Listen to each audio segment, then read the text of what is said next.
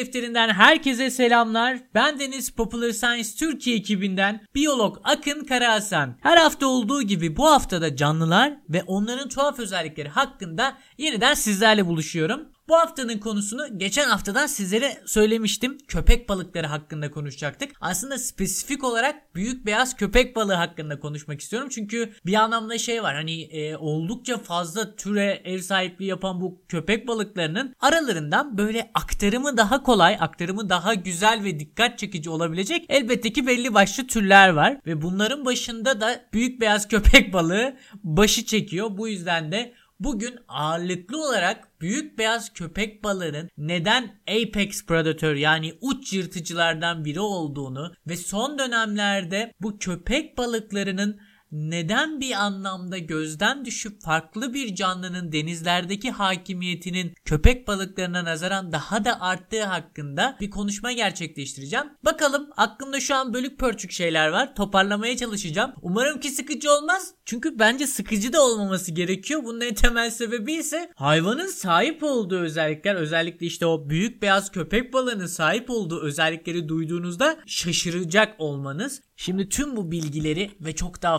fazlasını sizlere bir çerçeve sunup anlatmam lazım. O yüzden lafı çok daha fazla uzatmadan bu giriş kısmını hemen bitirelim.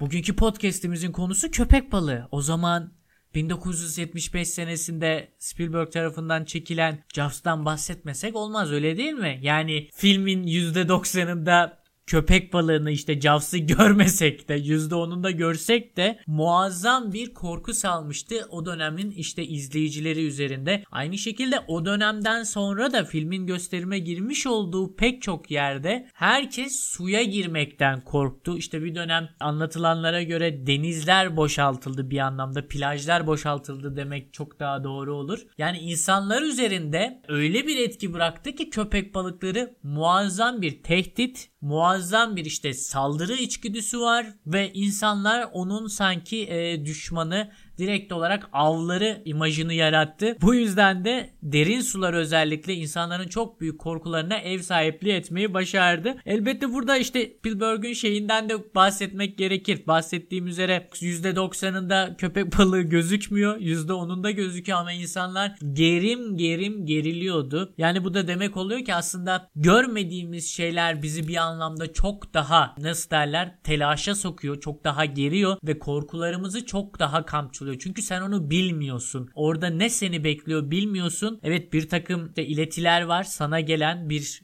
gerilimle alakalı ses var. Bir kısmının gözükmesi var falan filan ama tam olarak sana saldırmakta veya senin etrafında sana doğru gelmekte olan şeyi görmüyorsun. Bu muazzam bir korku salıyordu. Fakat günümüzde yapılan mesela Megalodon'la alakalı bir film vardı. Jason Statham'ın oynadığı. Mesela o filmde ise ben korkan birini zannetmiyorum. Çünkü neredeyse filmin işte belli bir dakikasından sonuna kadar sürekli olarak Megalodon'u görüyorsunuz. Artık neyin dalacağını, neyin saldıracağını, dalacağını biraz tuhaf oldu. Vesaire biliyorsunuz bu yüzden de üzerinde hani pek bir gerilim vesaire hissetmediğinizi düşünüyorum. Elbette ki hani yanlış düşünüyorsam akın biz çok korktuk diyen varsa da yorumlarda e, belirtebilir. Peki hani bu neden bu şekilde diye soracak olursanız insanlar köpek balığından neden korkuyorlar diye soracak olursanız bir tanesi şu. Derinlerde yaşayan bir canlıymış gibi lanse edildi ve büyük derinliklere sahip bu denizlerin bu tür canlılarla dolu olduğu bir anlamda insanların kafasına kazındı. İşte zamanında Kraken işte mitolojisini bilirsiniz. Aynı şekilde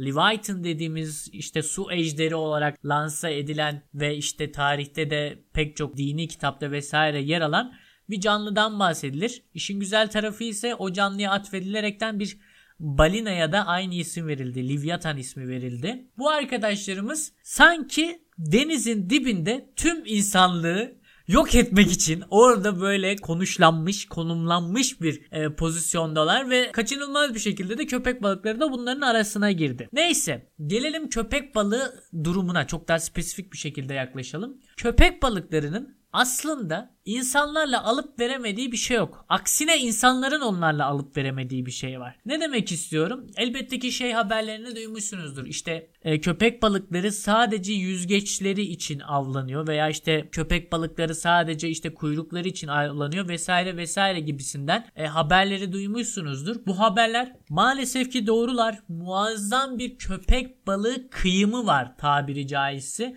Yani milyonlara varan bir toplu yok oluştan söz ediyoruz burada köpek balıkları üzerindeki. Bu arkadaşlarımızın bu yüzgeçleri işte çorba oluyor, başka şeyler oluyor. Kimisi işte erkeklik e, gücünü arttırabilecek, testosteron seviyesini arttırabilecek, libido arttırabilecek ilaçlar yapılması sağlanıyor veya direkt olarak tüketiminde kullanılıyor vesaire vesaire. Neyse böyle 6-7 dakikalık kısmı köpek balıkları ve diğer canlılarla alakalı olarak insanları neden korkuttuklarına yönelik bir giriş yapmış olalım. Sonda da nedense libidoya bağladım ama onu da geçelim şimdilik. Şimdi ben bu podcast'imde daha çok büyük beyaz köpek balıklarından bahsedeceğimi söylemiştim ve bu büyük beyaz köpek balıklarının morfolojisi hakkında sizlere bilgiler aktarmak istiyorum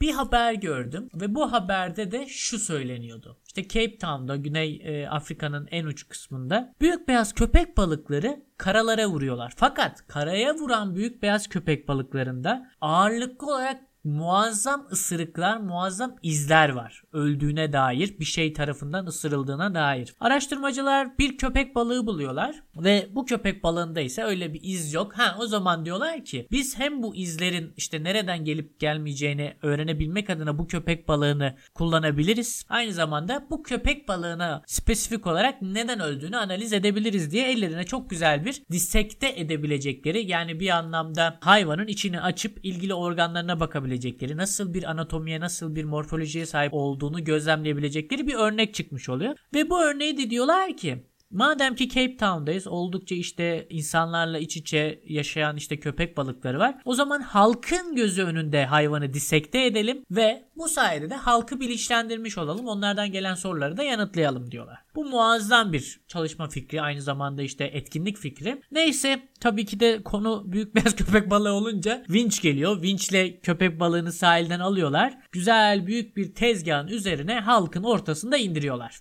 İndirilen köpek balığı öncelikle bir incelemeye tabi tutuluyor. Hani ne var ne yok üstünde vesaire çizik mizik var mı kanca var mı vesaire vesaire diye bakılıyor. Ve görülüyor ki evet ağzının bir kısmında kanca var ve bu kancanın muhtemelen misinası ipi onun e, kafasının bir kısmını kesmiş. Kesmiş dediğim iz bırakmış. Çünkü köpek balıklarının Burada derilerine değinmek gerekirse oldukça sert yapılı derileri var. Hatta büyük beyaz köpek balıklarının dişi bireylerinde erkek bireylerine nazaran çok daha kalın bir deri tabakası var. Bunun Nedeni nedir diye soracak olursanız neden dişilerde daha kalın erkeklerde daha ince? Bunun en temel sebebi köpek balıklarının çiftleşme ritüelleri. Köpek balıklarının çiftleşme ritüellerinde erkek birey dişi bireye tutunabilmek için onun yüzgeçlerini ısırıyor bir yandan da derisini ısırıyor. Hal böyle olunca da o derinin öyle bir yapıya sahip olması lazım ki çiftleşmeden sonra dişi bireyin bir uzuv kaybına, bir işlev kaybına sebebiyet vermemesi lazım. Çünkü böyle olursa e, erkek çiftleşti iyi güzel e, sperm işte vücudunda dişi bireyin fakat dişi birey bundan sonra beslenemez. Eğer ki uzuvuna bir şey olursa hareket edemez, yüzemez zaten hareket edememeleri köpek balıklarının ölmelerine sebebiyet veren unsurlardan bir tanesi. Birazdan bahsedeceğim nedir o diye. Hal böyle olunca da evrimsel süreçte derilerinin çok daha kalın olan dişi bireyler çok daha başarılı bir şekilde seçilmişler popülasyonda ve bu popülasyon içerisindeki dağılımları artınca bir anlamda işte frekansı artınca tırnak içerisinde ileriki nesillerin hep hepsinde dişi bireylerin işte derileri kalınlaşmış. Derileriyle ilgili olaraktan başka tuhaf bir bilgi de şu. Derilerine eğer ki bir mikroskop ile baktığınızda hadi mikroskopu geçtim bir büyüteç ile baktığınızda küçük küçük diş yapısına benzer zımpara gibi dokular görüyorsunuz. Bu dokular öylesine kuvvetli ve öylesine keskinler ki böyle köpek balığının suratından kuyruğuna doğru elinizi sürterseniz sıkıntı yok. Ama tam tersine doğru sürterseniz bir zımpara etkisi gösteriyor ve hatta bu zımpara etkisi pek çok işte marangozla alakalı e, işlevlerde de kullanılmış tarih boyunca. Yani yine e, köpek balıkları pek çok açıdan önem arz ediyor insanlık adına. Fakat burada şöyle tuhaf bir hipotez söz konusu. O da şu. Bu yapılar köpek balıklarının dişleriyle bir anlamda homoloji gösteriyor. Yani bir köken ilişkisi var diyeyim çok daha doğru bir yaklaşım olur. Ve bu köken ilişkisinin nasıl olduğuna yönelik açıklamalar getirilmeye çalışıldığında benim izlediğim belgesellerde şöyle bir bilgi sunuluyordu. İlk başta köpek balıklarının çenesinin olmadığını farz edin. Bir anlamda bu çene Diğer işte solungaçları, solungaçların ve çeşitli omurganın bir şekilde dik kalmasını sağlayan o bizim göğüs kafesimizdeki gibi çeşitli kemiklerden oluştuğunu düşünün. Böyle yuvarlak yuvarlak yuvarlak yuvarlak bunlar birbirlerini takip ediyorlar. Tamam Şimdi bu takibin gerçekleştirildiği sırada evrimsel süreç içerisinde en önde yer alan o yuvarlak kemikler farklı bir işleve evrimleşmeye başlıyor. Nedir o işlev? Şimdi yuvarlak kemikler sabit olduğu için suyun ağızdan alınıp gill dediğimiz işte solungaçlardan çıkması bir anlamda suyun akış hızına bağlı ve senin işte ağzını işte kapatıp açmana bağlı fakat tam anlamıyla bir çenen olmadığı için bu durum çok güçlü bir şekilde gerçekleşmiyor ve sen haliyle çok hızlı bir şekilde soluk alıp veremiyorsun gibi düşünebilirsin. Bu sana ne gibi bir dezavantaj sağlar? Ani saldırılar, ani etkiler yapamıyorsun. Çünkü neden? Oksijen transferin çok yavaş. Belli bir e, kalıp var ve bu kalıp boyunca çeşitli dış faktörlere bağlı olarak e, oksijen transferi gerçekleştiriyorsun. Fakat o ilk yuvarlak kemik farklılaştığında böyle çene yapısına doğru evrimleşen yavaştan kıvrılıp V şekline doğru dönen yani o yuvarlak büküldüğünü düşünün ortadan ikiye doğru böyle bükülüyor yavaş yavaş çenenizi aklınıza getirin. Bu tür bir yapıya evrimleşiyor. Şimdi bu tür bir yapıya evrimleşmesi neden önemli? Artık diğer formuna göre çok daha senin kontrolünde olan açıp kapatma mekanizmasına sahipsin. Ve bu çok daha güçlü. Bu yüzden de bir anlamda pompa görevi görebilir. Yani solungaçlarına hızlı bir şekilde suyun aktarımını gerçekleştirebilirsin bu yapı sayesinde. Hal böyle olunca da evrimsel süreç içerisinde bir anlamda bu yapı sürekli olarak hani açılıp kapanan suyu ağzıma aldım solungaçlarımdan geçti değil artık o morfolojik farklılaşmanın yani o V şeklindeki farklılaşmanın getirmiş olduğu bir avantaj daha var. Bu yapı öyle bir yapı ki ortası boş ve senin ağzın açılıp kapanabiliyor ve sen etçilsin. He, o zaman bu yapıyı bir tuzak olarak kullanabilirsin. Bir Peki şimdi bir anlamda çenenin nasıl evrimleştiğini yavaş yavaş sizlere aktardım. Peki dişler nasıl oldu? Dişlerde ise durumun şu olduğu düşünülüyor. O derilerinde yer alan küçük küçük dişçikler diyebileceğimiz yapılar çok çok muhtemelen derinin altından bu bulunmuş oldukları işte ağız, çene kısımlarına doğru zaman içerisinde yerleştiler. Belli türlerde, belli popülasyonlarda. Ve bu popülasyonlarda öyle bir durum sergilendi ki, öyle bir başarı sergilendi ki Birey ağzına gelen avı artık sadece çene kuvvetiyle tutmaktan ziyade o derilerinden çıkan çıkıntı haldeki yapılarla tutmaya başladılar. Yani o diş dediğimiz yapılarla tutmaya başladılar. Hatta günümüzde hala köpek balıklarının dişlerine bakacak olursanız böyle sıra sıradır. Birinin ardından diğeri, birinin ardından diğeri ve o böyle derinin içine doğru gömülür. Aslında tıpkı bizlerdeki gibi. Fakat bu arkadaşlarımızın kemikleri olmadığı için hepsi tamamıyla kıkırdaktan oluştuğu için kıkırdağın bir anlamda köken almasından ziyade derilerinden köken aldıkları düşünülmekteydi. Hal böyle olunca da bu morfolojinin çok e, gizemli tarafları bir anlamda bizlere sunulmuş oldu. Çünkü derideki bir yapının diş olarak karşımıza çıkması ve bu dişlerin kıkırdak yapısından farklı olarak kemik yapıda olması biraz kafaları karıştırdı. Çünkü hayvanın her yeri kıkırdaktan sadece dişleri kemikten. Hal böyle olunca da köpek balıklarına dair mesela keşfedilen en büyük e, şeylerden bir tanesi ne derler fosil kayıtlarından bir tanesi dişler oluyor. Neden? Çünkü dişleri yumuşak doku değil. Kemikten sertler. Pek çok yerde köpek balığı dişlerinin fosillerine rastlayabilirsiniz. Şimdi bir anlamda derisini işte geçtik ve bu derisiyle alakalı da şunu söyleyeyim. Hani çok sert dedim ya. diseksiyonu yaparken çok keskin bir bıçak kullanıyorlar haliyle tabir edebileceğiniz şekilde. Fakat o deriye bıçağı sokmak ayrı bir dert. Daha sonra o bıçakla deriyi kesmek ayrı bir dert. Yani Baya bildiğiniz şey kesiyorsunuz. Mukavvadan daha kalın bir şey kesmeye falan çalışıyorsunuz. Güzel kenetlenmiş bir dokusu var ve sert bir materyalden oluşuyor. Bu yüzden de gerçekten böyle dışarıdan bakınca pek çok darbeye karşı dayanıklıymış gibi gözüküyor. Fakat bahsettiğim üzere bu köpek balıklarının bazılarının büyük yaralar almış durumda dış derileri. Peki onlara sebebiyet veren şey ne? Onlara birazdan bahsedeceğiz. Şimdi gelelim diseksiyonun geri kalan kısmına. Çeneden bahsettik. Çene ile alakalı bir bilgi daha vereyim sizlere. Çeneleri kafa taslarına bağlı değiller. Yani çeneleri eğer ki önlerinde bir av varsa ava doğru ileri bir şekilde atılabilmekte. Bunun en güzel örneği goblin köpek balığı adını verdiğimiz bir köpek balığı türü var. Orada gözlemleniyor. Bu arkadaşımızın tam anlamıyla böyle çenesinin etrafını saran bir kalın deri tabakası yok. Bu yüzden sanki çenesi dışarıdaymış gibi gözüküyor. Önüne işte bir av geldiğinde hali hazırda dışarıda gözüken bu çenesi nasıl ileriye atılıyor? Orada çok güzel bir şekilde gözlemlenebiliyor. Fakat bunun şöyle bir dezavantajı var. Elbette ki bu dezavantaj olarak değerlendirilebilirse. Çünkü şundan bahsedeceğim. Timsahların çene basıncıyla köpek balıklarının çene basınçları sık sık karşılaştırılmak istenir. Fakat bir karşılaştırılma yapıldığında Timsahlar kesin bir şekilde galiptirler. Neden? Çünkü timsahların çeneleri kafa taslarına bağlıdır ve buna bağlı olarak da çok güçlü kaslarla desteklenmektedir. Fakat Köpek balıklarında ise bahsettiğim üzere çeneler askıdadır ve nispeten biraz daha zayıf kaslarla desteklenmektedir. Peki ne kadarlık bir basınç üretiyor bu arkadaşlarımız diye soracak olursanız timsahlar tam 600 kilo basınç ile ısırıyor. Yani muazzam bir değer. Fakat köpek balıklarına baktığımızda ise ilk ısırıkları oldukça zayıf. Neredeyse işte bir insanın çene basıncından dahi zayıf. İlk ısırık derken neyi kastediyorum? Hemen bahsedeyim. Tanıma ısırığı.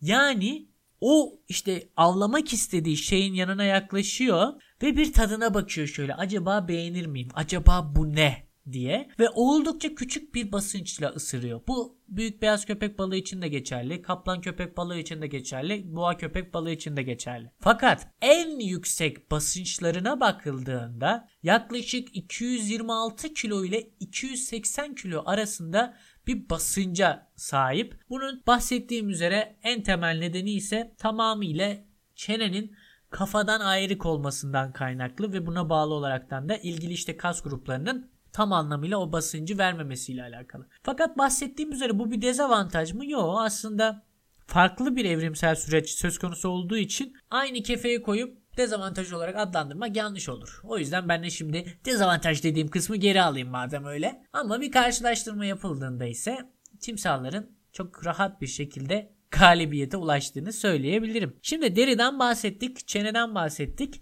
Yine o kafa kısımlarından devam edelim. Kafa kısımlarında bir tuhaf özellik daha var. O da Lorenzi ampulleri adı verilen yapılar. Bu yapılar öylesine tuhaf ki manyetik alanı algılayabilmekteler ve köpek balıklarına bu tür muazzam bir özelliği katabilmekteler. Ya muazzam diyorum çünkü şundan dolayı bulundukları alanda eğer ki bir manyetik alan oluşturabilecek bir cisim vesaire varsa ve bu cismin boyutu çok çok önemli de değil aslında bir pil dahi olsa onu algılayabilecekleri düşünülüyor. Hal böyle olunca da yine bir anlamda köpek balıklarının ilgi çekici bir özelliğiyle karşı karşıya kalıyoruz. Bir de mesela konusu açılmışken bu hassasiyetle alakalı köpek balıklarının kana olan hassasiyetleri hakkında da konuşmak isterim. Özellikle insan kanına. Yapılan bir deneyde köpek balıklarının işte çeşitli türleri çeşitli havuzlara aktarılıyor ve bu havuzlara öncelikli olarak en çok beslendikleri canlılardan kalamarların kanları akıtıldı. Daha sonrasında kürklü fokların kanları akıtıldı ve en sonunda da insanların kanları aktarıldı. Şimdi tabii ki de ister istemez o kan kokusuna nasıl tepki verdiğini ölçmemiz gerekiyor ve yapılan ölçümlerde gözlemleniyor ki hayvan en çok neyle besleniyorsa, diyetinde ne varsa ona yönelik ilkin ve en hızlı tepkiyi veriyor bir anlamda. Fakat insan gibi hali hazırda hiç habitatında bulunmayan canlılara karşı çok yavaş tepki veriyor. Hatta hiç tepki bile vermiyor diyebilirim. Yani o gerçekleşen çoğu ısırılma vakasının, çoğu işte ne bileyim saldırılma vakasının çok büyük bir bölümü bu canlıların işte mevcut habitatlarının tehdit altında olması veya işte özellikle sörfçülerin başına geliyor bu aşağıdan yukarıya bakıldığında en çok beslenmeyi tercih ettikleri kürklü foka benzemeleri şeylerin, sörfçülerin. Bu yüzden de köpek balığının direkt işte avına odaklanarak bir e, yapmış olduğu hamle sonucunda sörfçüyü ısırması gibi durumlar söz konusu oluyor. Bunun haricinde canlı eğer ki çok çok aç değilse veya tehdit edilmediyse rahatlıkla hani sizden uzakta durmayı tercih ediyor. Bir de şöyle bir durum var mesela çok aç değilse dedim ya bu gerçekten de doğru. Eğer ki AVM'lerde vesaire akvaryumlar oluyor bilmiyorum e, hiç gittiniz mi? Bu AVM'lerdeki akvaryumlara e, insanlar girmeden önce yemek verirler köpek balıklarına. Aynı şekilde şeyde de söz konusu bu. Mesela okyanusta bir çalışma gerçekleştirmek istiyorsunuz köpek balıkları ile alakalı. Bir tanesi onları çekmek adına bir besleme işlemi. Bir tanesi ise mesela diyelim ki çelik kafese gireceksiniz. Çelik kafese girmeden önce mevcut alandaki tüm köpek balıklarını beslemeniz gerekmekte. Çünkü olası bir kesiğinizde veya bizzat sizi görüp size karşı bir iştah duymasın hayvan, doymuş olsun ve bir anlamda çok daha sakin olsun diye. Bu tür bir yaklaşım söz konusu. Şimdi gelelim hayvanın gözlerine. Bir canlı için gözler oldukça önemli. Neden? Çünkü senin dünyayı algılayabilme organlarından bir tanesi gözler. Köpek balıkları için de o kadar önemli ki bu yapılar avlanma sırasında içeriye doğru dönmekte. Ne demek istiyorum içeri dönmekte? Göz kapakları yok köpek balıklarının. Bu yüzden de bir hayvana işte saldırırken o hayvanın çeşitli uzuvları benim gözüme zarar vermesin diye bir anlamda evrimsel süreç içerisinde gözlerindeki kaslar gözlerini içeriye doğru itmekte ve sadece gözün beyaz kısmı dışarıda kalmakta. Hal böyle olunca da muazzam bir adaptasyonla karşı karşıya kalmış oluruz. Hatta şu var e, o bahsettiğim diseksiyonu yapan ekip hayvanın böyle gözüne dokunuyor. Göz böyle içeriye doğru kendi kendini itiyor. Bir anlamda işte ekip de bastıraraktan hani itmesi gerçekleşiyor. Neyse böyle bir savunma mekanizması daha var. Bir de şu var bu hayvanların burunlarında öyle bir yapı söz konusu ki gelen işte su direkt olarak aynı şekilde geri gidiyor. Fakat buradaki o e, reseptörler o kadar fazla ki o sudaki hani çok küçük bir damla kanı bile anlar diyoruz ya. Heh işte o özelliği veren şey o muazzam reseptörlerin sayısı ve çok hızlı bir şekilde suyun devir daimini sağlayan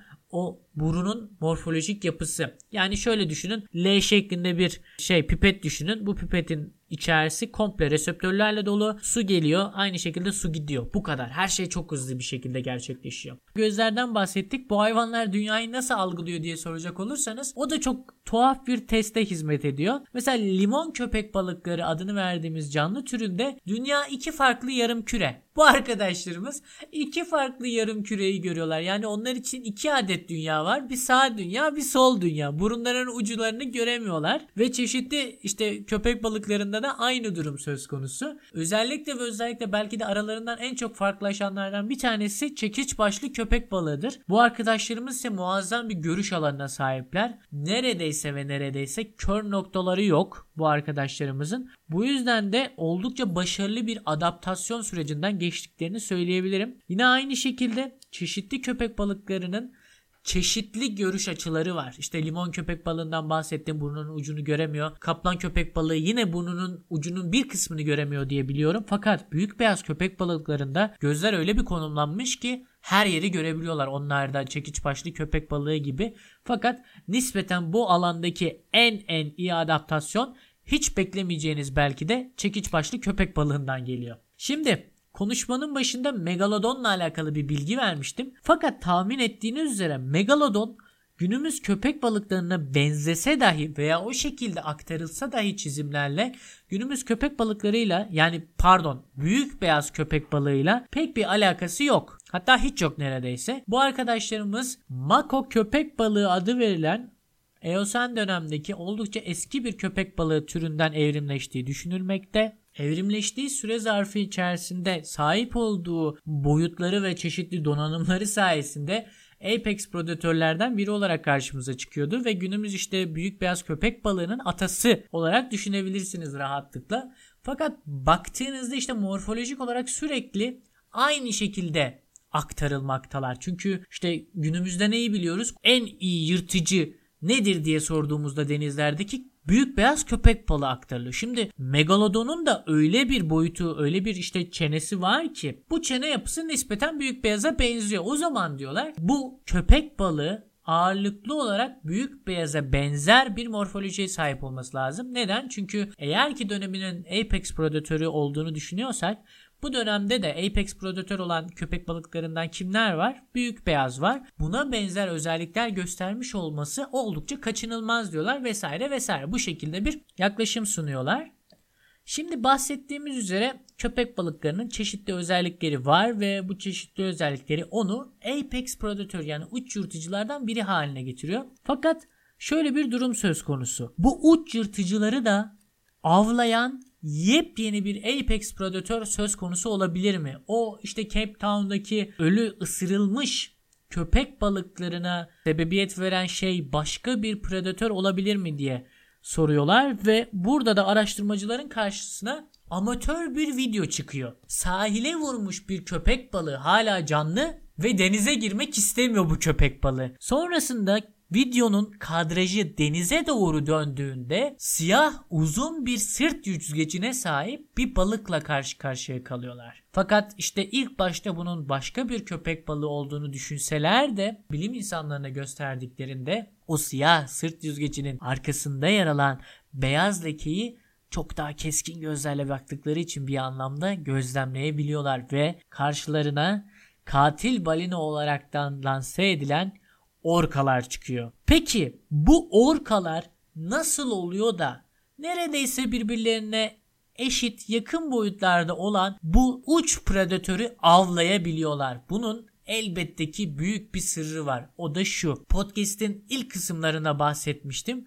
Bu arkadaşlarımız eğer dururlarsa ölürler. Bunun en temel sebebi ise şu solungaçlarına suyun sürekli olarak aktarılması için bu arkadaşımızın gerçekleştirmiş olduğu işte kuyruk, vücut hareketi ve ileriye doğru yüzme hareketinin gerçekleşmesi lazım. Yani sen ileriye doğru gittikçe bir anlamda solungaçların içerisinden su geçiyor ve buna bağlı olaraktan da ters akış yöntemiyle senin kanın oksijenleniyor. Bu arkadaşlarımız da eğer ki durursa yani pasif bir şekilde suyun şeyden geçmesini bekleyecek. Solungaçlardan geçmesini bekleyecek. Ve bu muazzam riskli, muazzam tehlikeli bir şey.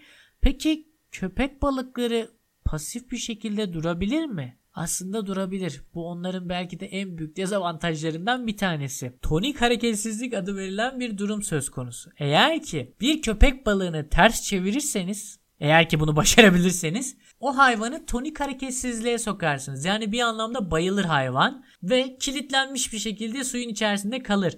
Eğer ki bu durum çok çok uzun bir süre devam ederse o zaman e, bu arkadaşımızın ölümüyle sonuçlanabilir. Bu bazen işe yarıyor. İşe yarıyor derken işe yarayan kısımları var.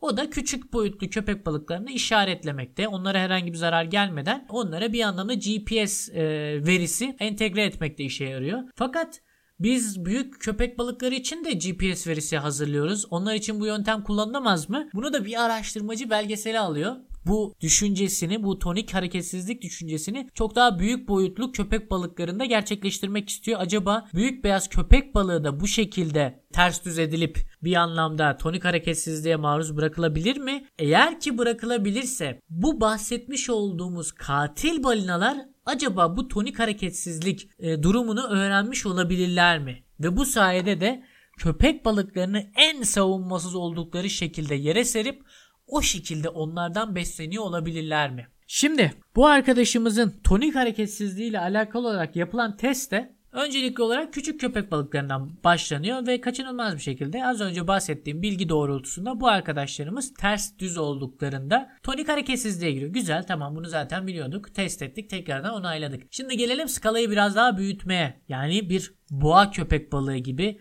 boyutları 2 metreye varabilen hatta 2 metreyi de aşabilen yanlış hatırlamıyorsam köpek balıklarına. Şimdi burada öncelikli olarak bahsettiğim üzere araştırmacı köpek balıklarını beslemek zorunda. Daha sonrasında onların yanına inecek. Onlara yeniden sanki besin veriyormuşçasına yapıp onları bir anlamda ağzını başka bir tarafa oyalamasını sağlayacak ve o sırada da köpek balığını burnuyla okşayıp Yine aynı şekilde o tonik hareketsizliğe düşüp düşmeyeceklerini anlamaya çalışıyor. Burun da burada önemli bir pozisyonda. Çünkü burun da hayvanı çevirmeden onu tonik hareketsizliğe sokabilecek bir e, ne diyeyim hassasiyete sahip bölgelerden bir tanesi. Yani şey vardır ya sizde işte bir yerinize bastığımızda bir yerinize işte bir el hareketiyle şaka yaptığımızda iki büklüm olursunuz gibi düşünün. Heh, orada da en zayıf noktaları burunları. Burunlarına işte böyle küçük okşama hareketleri yap, yaptığınızda hayvan bir anlamda kendinden geçiyor ve yavaş yavaş tonik hareketsizliğe doğru şey oluyor. Ne derler? Düşüyor gibi düşünebilirsiniz.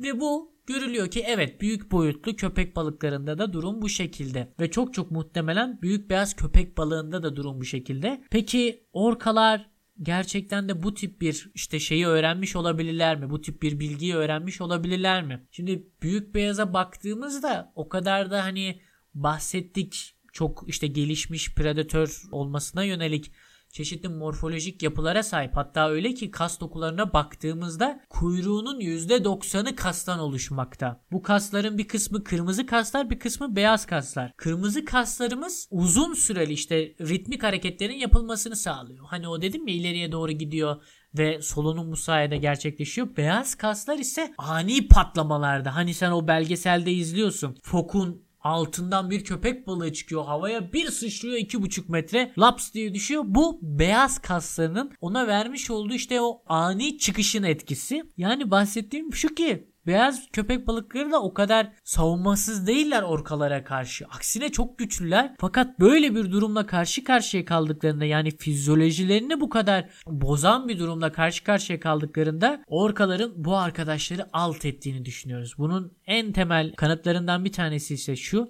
Genellikle orkalar e, köpek balıklarının karaciğerleriyle beslenirler. Çünkü orası ne diyeyim besin açısından en zengin yerlerden bir tanesi bir de şu var köpek balığının çok çok büyük bir kısmı karaciğerden oluşuyor. 1000 kiloluk, 2000 e, kiloluk bir köpek balığının %40'ı, %30'u karaciğerden ibaret. Ve bu oldukça da hani besleyici bir ürün olduğu için orkaların büyük bir ilgisini çekmekte. Çok çok büyük bir çoğunluğu karaciğerini yiyip geri kalan kısmı bırakmakta. Bu yüzden de sahile inen köpek balığı ölülerine baktığımızda ise durumun neden böyle bir ısırılmış bırakılmış olduğunu rahatlıkla anlıyoruz. Bu karaciğerle alakalı önemli bir durum söz konusu köpek balıklarında. Karaciğerleri karasal canlıların karaciğerlerine nazaran suda yüzebilmek adına bir adaptasyon gerçekleştirmiş. Ne demek istiyorum? Karaciğerleri öyle bir yapıda ki bu yapı suda yüzebilmekte. Yani karaciğerini kes köpek balığının suya bırak suyun içerisinde yüzüyor. Ama senin karaciğerini kes suya bırak suda çöküyor muazzam bir yine aynı şekilde adaptasyon söz konusu. Bu da köpek balıklarının nasıl işte konum değiştirdikleri hakkında suyun içerisinde nasıl alçalıp nasıl yükseldikleri hakkında bizlere bilgiler verebilmekte. Çünkü köpek balıklarında diğer balık türlerine nazaran şeyler yok. Hava keseleri yok. Bu yüzden de şey kendilerini işte suyun belli kademelerine, belli yüksekliklerine alabilmek adına farklı bir yöntem deniyorlar.